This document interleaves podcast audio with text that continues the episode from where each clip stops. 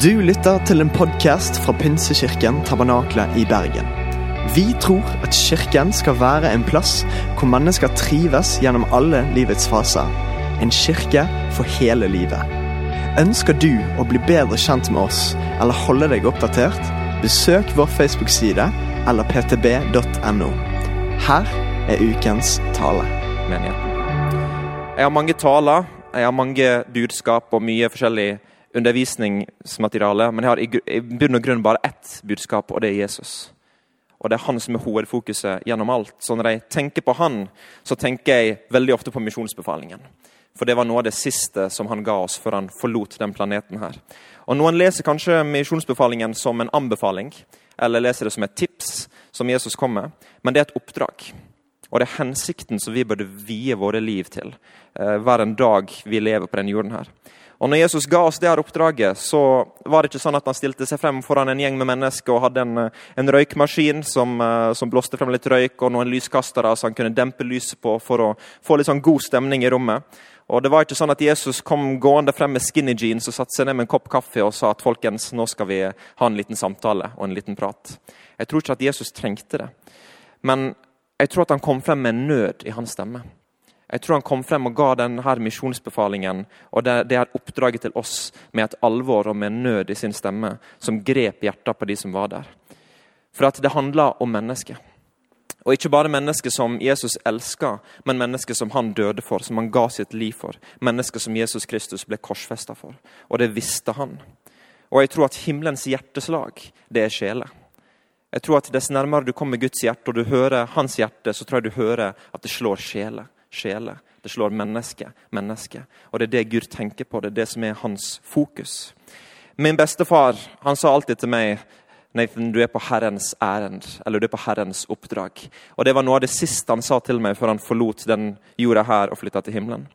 Og Det oppdraget som vi kan være en del av, det har hast. Det er noe vi må ta tak i og noe vi må jobbe med, koste hva det koste vil. Og Vi skal lese det fra Matteus kapittel 28, vers 18-20. Vers som kanskje mange kjenner til. Der står det at Jesus sto frem og talte til dem og sa:" Meg er gitt all makt i himmel og på jord. Gå derfor ut og gjør alle folkeslag til disipler, idet dere døper dem til Faderens og Sønnens og Den hellige ånds navn, og lærer dem å holde alt det jeg har befalt dere. Og se, jeg er med dere alle dager inntil denne tidsalders ende. Når det gjelder det her oppdraget, denne misjonsbefalingen, så er det ikke et spørsmål om du skal delta. Spørsmålet er på hvilken måte du skal delta. Det er der det ligger. Noen kan gå, noen kan være sendt ut og være der ved jordens ende og forkynne evangeliet, inne i jungelen og på høye fjelltopper, mens andre kan være med å sende. Andre kan være med i bønn. Men på en eller annen måte skal alle være engasjert i det her oppdraget i Kristi kropp. Og så er vi alle sammen vitner der vi er i det dagligdagse. På arbeidsplasser, på våre skoler og uansett hvor vi måtte være. Og der er vi vitne om hvem Jesus er, og hva Jesus har gjort. Og Kanskje du tenker at du er ukvalifisert. Kanskje du tenker at du har ingenting å komme med. At du ikke ser din rolle i Guds rike, og du ser ikke hva Gud kan gjøre med ditt liv. Men det du må, må vite på, det, er at hvis du studerer denne boken her, og du studerer Bibelen, så ser du at det, det er ikke en samling av perfekte, ekstraordinære, superhellige mennesker. Det er ikke alltid det. Men det er en samling av sprø mennesker som trodde Gud. Det er det Bibelen egentlig er. Vi leser om David som, som gikk imot Goliat. Han var egentlig ukvalifisert, men han gikk imot denne kjempen og beseira denne kjempen. Vi leser om Moses som stamma, som ikke hadde en gave til å tale, som stilte seg foran farao og sa 'la mitt folk gå'. Vi leser om Peter som bare på Jesu ord gikk ut på vannet og gikk på vannet. For at Jesus kalte han. Og Mange av de mennesker som vi kan lese om, som, som Gud har brukt gjennom historien, det er helt vanlige, ordinære mennesker. Bare se på disiplene.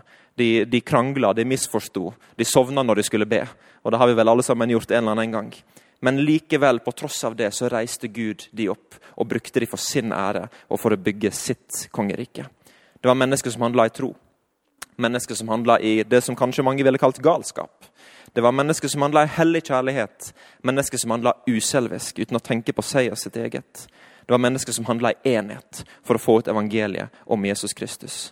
Og du er også kalt til å være med på det her store oppdraget. I Lukas 1910 så står det at menneskesønnen er kommet for å søke og for å frelse det som er fortapt. Det her det var hensikten med at Jesus kom. Han kom for å finne meg, og han kom for å finne deg. Han kom for å finne mennesker som har rota det til, mennesker som har gjort feil. Han kom for å finne mennesker som ikke alltid strekker til, mennesker som har snubla og falt. Men han kom ikke for å gjøre oss til skamme, men han kom for å redde oss. Og så kom han for å vise oss Guds hjerte. Han helbreda syke, han elska de søndagknuste, og han gikk sammen med de som ingen andre ville være med, og han elska de. Og han ga de en billett til himmelen, et løfte om evig liv hvis de ville følge han og tro på han. Men så stopper det ikke der, for Jesus han ber i Johannes 17, 18 til Faderen. Slik som du har utsendt meg til verden, har også jeg utsendt dem til verden. Som på samme måte som Jesus var utsendt på det her oppdraget fra himmelen for å komme med gode nyheter om evig liv, så er vi sendt ut på det samme oppdraget. Vi er sendt ut med de her gode nyhetene om håp, legedom og løfte om et evig liv. Om hvem han er, og hva Jesus Kristus har gjort. Og Når jeg tenker på det her, og tenker på det her oppdraget som vi er kalt til å være en del av, så har jeg én bønn, og det er Gud, jeg vil være med på det her. Og Det burde være din bønn også. Jeg kan love deg at det å følge Gud det kan være som et vilt eventyr. Nå om dagene så tenker jeg en del på Pappa Ny-Guinea. Jeg, jeg, var der i fjor, og vi driver fast arbeid der og driver menigheter der. Og Det gjør vi i et område der det kun stammer folk, høyt oppe i fjellene. Og Det er et veldig spesielt land. Det er et land som dessverre er gjennomsyra av vold og veldig mye kriminalitet. Men det er et rikt land når det kommer til språk, eh, etniske folkegrupper, kulturen og dyreliv og sånne ting. Selv om det ikke er så koselig når du skal prøve å sove midt inne i jungelen og du har edderkopper og krypdyr og alt rundt deg hele tiden, og stammefolk som roper og slåss utenfor. Det er mange rare lyder, det er mange rare lukter. Og På den turen jeg hadde der, så hadde jeg veldig mange spesielle opplevelser. av Ting jeg så som var egentlig ondskap og mørke i praksis. Jeg husker jeg sto på et marked langt oppe i en stammelandsby 3000 meter over havet, der det sto over åpen menneskehandel på markedet. Vi sto der, og det var åpen rettssak med en mann som måtte trygle for sitt eget liv for å ikke bli drept. Og det var et mørkt land. Jeg skulle egentlig vært der neste uke og uka etterpå, hatt konferanser, talt til de stammemenighetene og vandra rundt om i jungelen. Men selv om det var et sånt mørke der som man kunne ta og kjenne på, så kom Jesus. For at Jesus han har en sånn tendens til å dukke opp midt i mørket. Han har en tendens til å dukke opp der alt, alt håp er ute, for å ta mennesket fra mørke til lys. For å ta mennesket fra synd til rettferdighet, fra håpløshet til evig håp og fra dør til liv. Og I denne samme landsbyen som det var så mye ondskap som skjedde, og vi så det her på markedet, vi så alt som skjedde, så dukka Jesus opp. Vi skulle ha en konferanse der som gikk utover flere dager. og Jeg gikk på første dagen og skulle tale. og En del av menighetsmedlemmene kom til, og, og det var full fest. Det var lovsang som du kunne ta og føle på. Det var skikkelig sånn, nesten afrikansk gospel. er det nærmeste jeg kan sammenligne det med. Og de, Alle sammen dansa og hoppa, og det var jubel og det var glede. Det sto noen griser utenfor. Jeg er sikker på at de også var liksom med i denne lovsangen, for det var så fantastisk. Helt til vi spiste det dagen etterpå, og forhåpentligvis var de frelste og kom til himmelen. Men det var til å ta og føle på denne stemninga av forventning til hva Gud skulle gjøre. Og gjennom dørene på denne, det menighetsbygget, som ikke akkurat var etter norsk standard, men det var et ganske stort bygg likevel, så kom det inn en liten gutt som ble dradd av bestemora si inn gjennom dørene. Og Jeg så at han klarte ikke å gå, jeg så at han slet med føttene sine når de, skulle prøve å dra han fremover. Og De satte han ned på gulvet der, på det høygresset som fungerte som sitteplasser for alle som kom på møte. Og der satt han. Og gikk på og forkynte om Guds kraft. Jeg forkynte om hvem Jesus er. Prisen han betalte på korset for vår synd og for, for vår sykdom, slik at vi kunne bli satt fri. Og På slutten av møtet så kalte jeg frem mennesker og sa nå skal vi be for folk. Og denne lille gutten han kom frem med bestemoren sin. Og De måtte holde han, og de sto holdt fast i han. Og Vi la handa på han og ba for han og Guds kraft bare falt på det stedet der. Og den lille gutten som for bare noen minutter siden ikke kunne gå, ikke kunne ta et skritt, han løpte rundt i det menighetsbygget der, fullstendig helbreda og fullstendig satt fri. Men det du må forstå er at det, er, det var en landsby full av mørke. Og det var en landsby der alle visste hvem den gutten var. For det var den lamme gutten. Alle hadde sett han, alle hadde hørt han, alle hadde sett han, sett han med familien der. Så de visste hvem han var. Og plutselig så ser de at oi, han løper jo rundt. Han er jo helt frisk igjen. Hva er det som har skjedd? Og Ryktet spredde seg rundt om i, i, landsbyen der. og På neste møte så var det stappfullt. Og Mennesker sto utenfor og prøvde å trenge seg inn i regnet, eller forbi regnet og inn i menighetsbygget for å komme inn. Og Mennesker ble helbreda, mennesker ble satt fri, mennesker ble frelst. Og Etter fire dager måtte vi ha dåp i elven for at det var så mange mennesker som tok imot Jesus. Det står i Daniel 11,32 det folket som kjenner sin Gud, skal være sterkt, og det skal utføre sin gjerning. Spørsmålet er ikke om vi har fått kraft til å gjøre oppdraget, men spørsmålet er stoler vi på Han. For tro det staves egentlig T-I-L-L-I-T. Tillit. Jobb han sa faktisk at selv om Gud slår meg i hjel, selv om Gud tar mitt liv, så vil jeg fortsatt stole på Han. Det er tro. Når du sier til Gud, selv om du tar mitt liv, selv om jeg må legge ned mitt liv, Herre, så vil jeg stole på deg, for jeg vet at du er god, og du er trofast når alt annet feiler. Det er en historie fra det ville Vesten i USA på begynnelsen av 1900-tallet.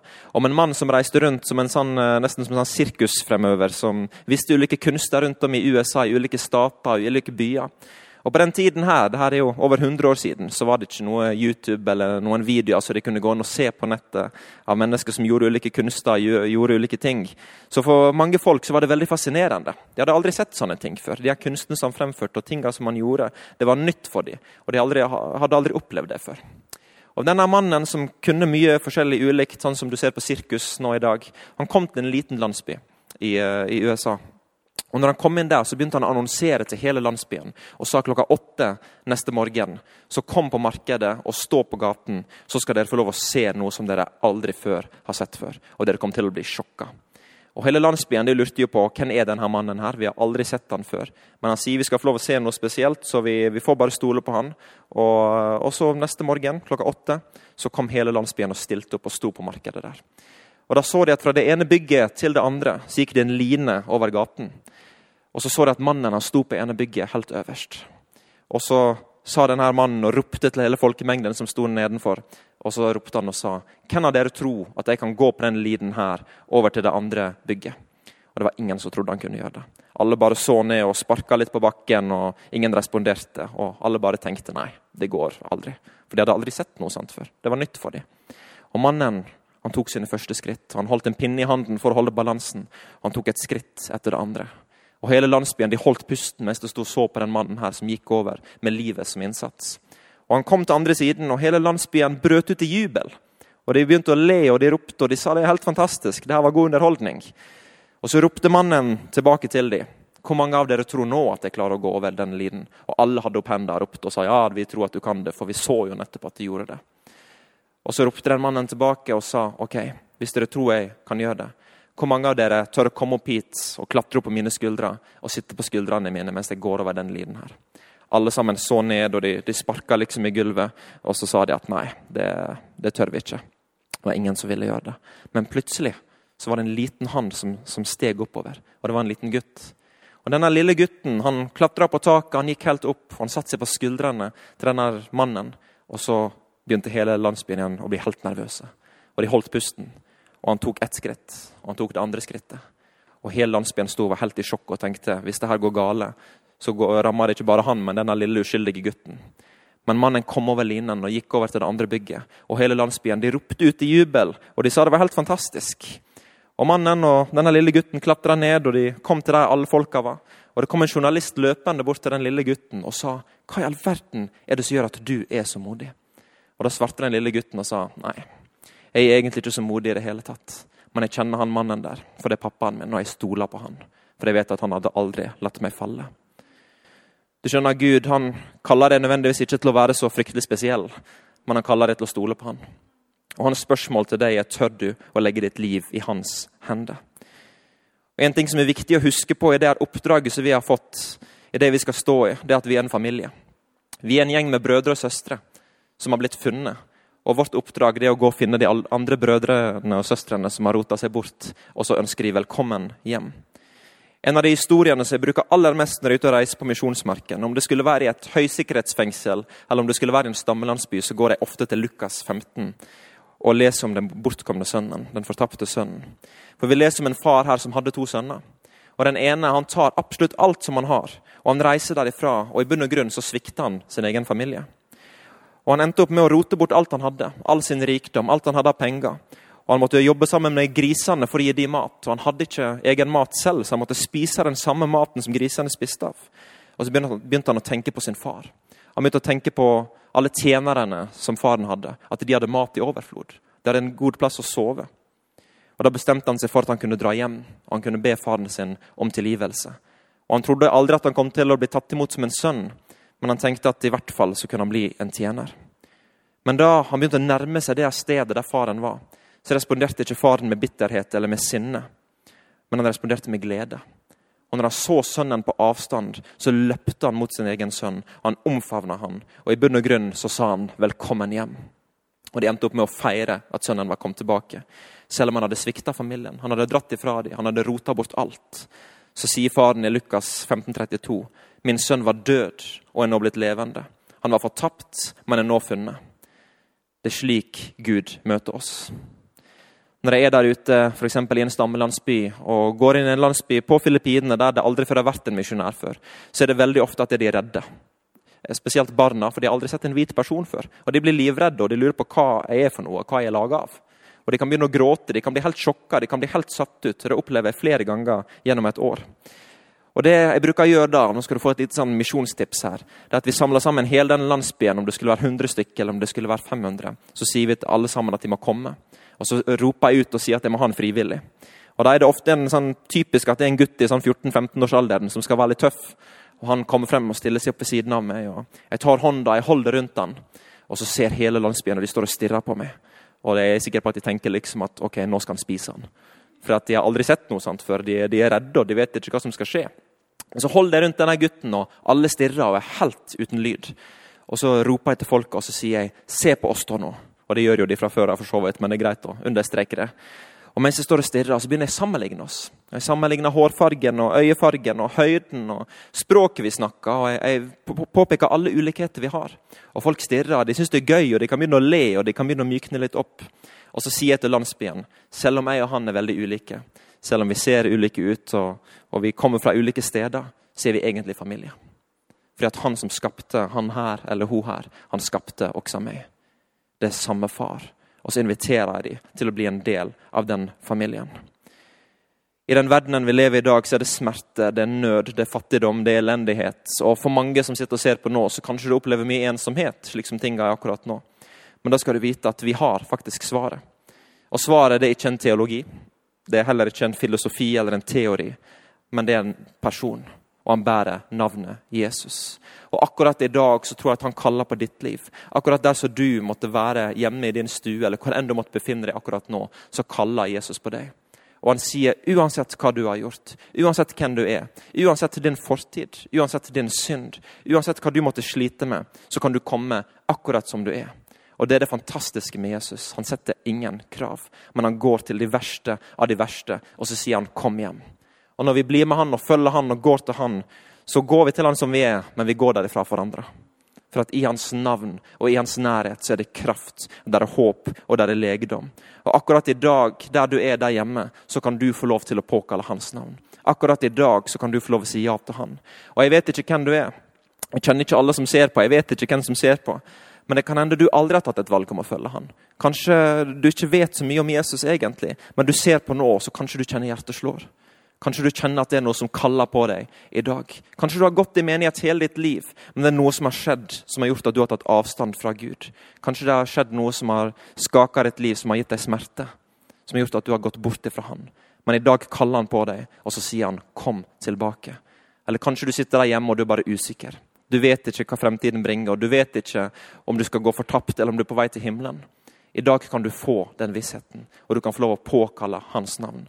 Så akkurat nå, hvis du sitter hjemme og du sier ja, jeg vil gi Jesus alt, og jeg vil følge han, og jeg vil stole på han, så skal vi be en bønn sammen. Og akkurat nå der du sitter, så kan du be den bønnen her etter meg og si takk, Jesus, for at du kom til verden for å redde mennesker og for å redde meg.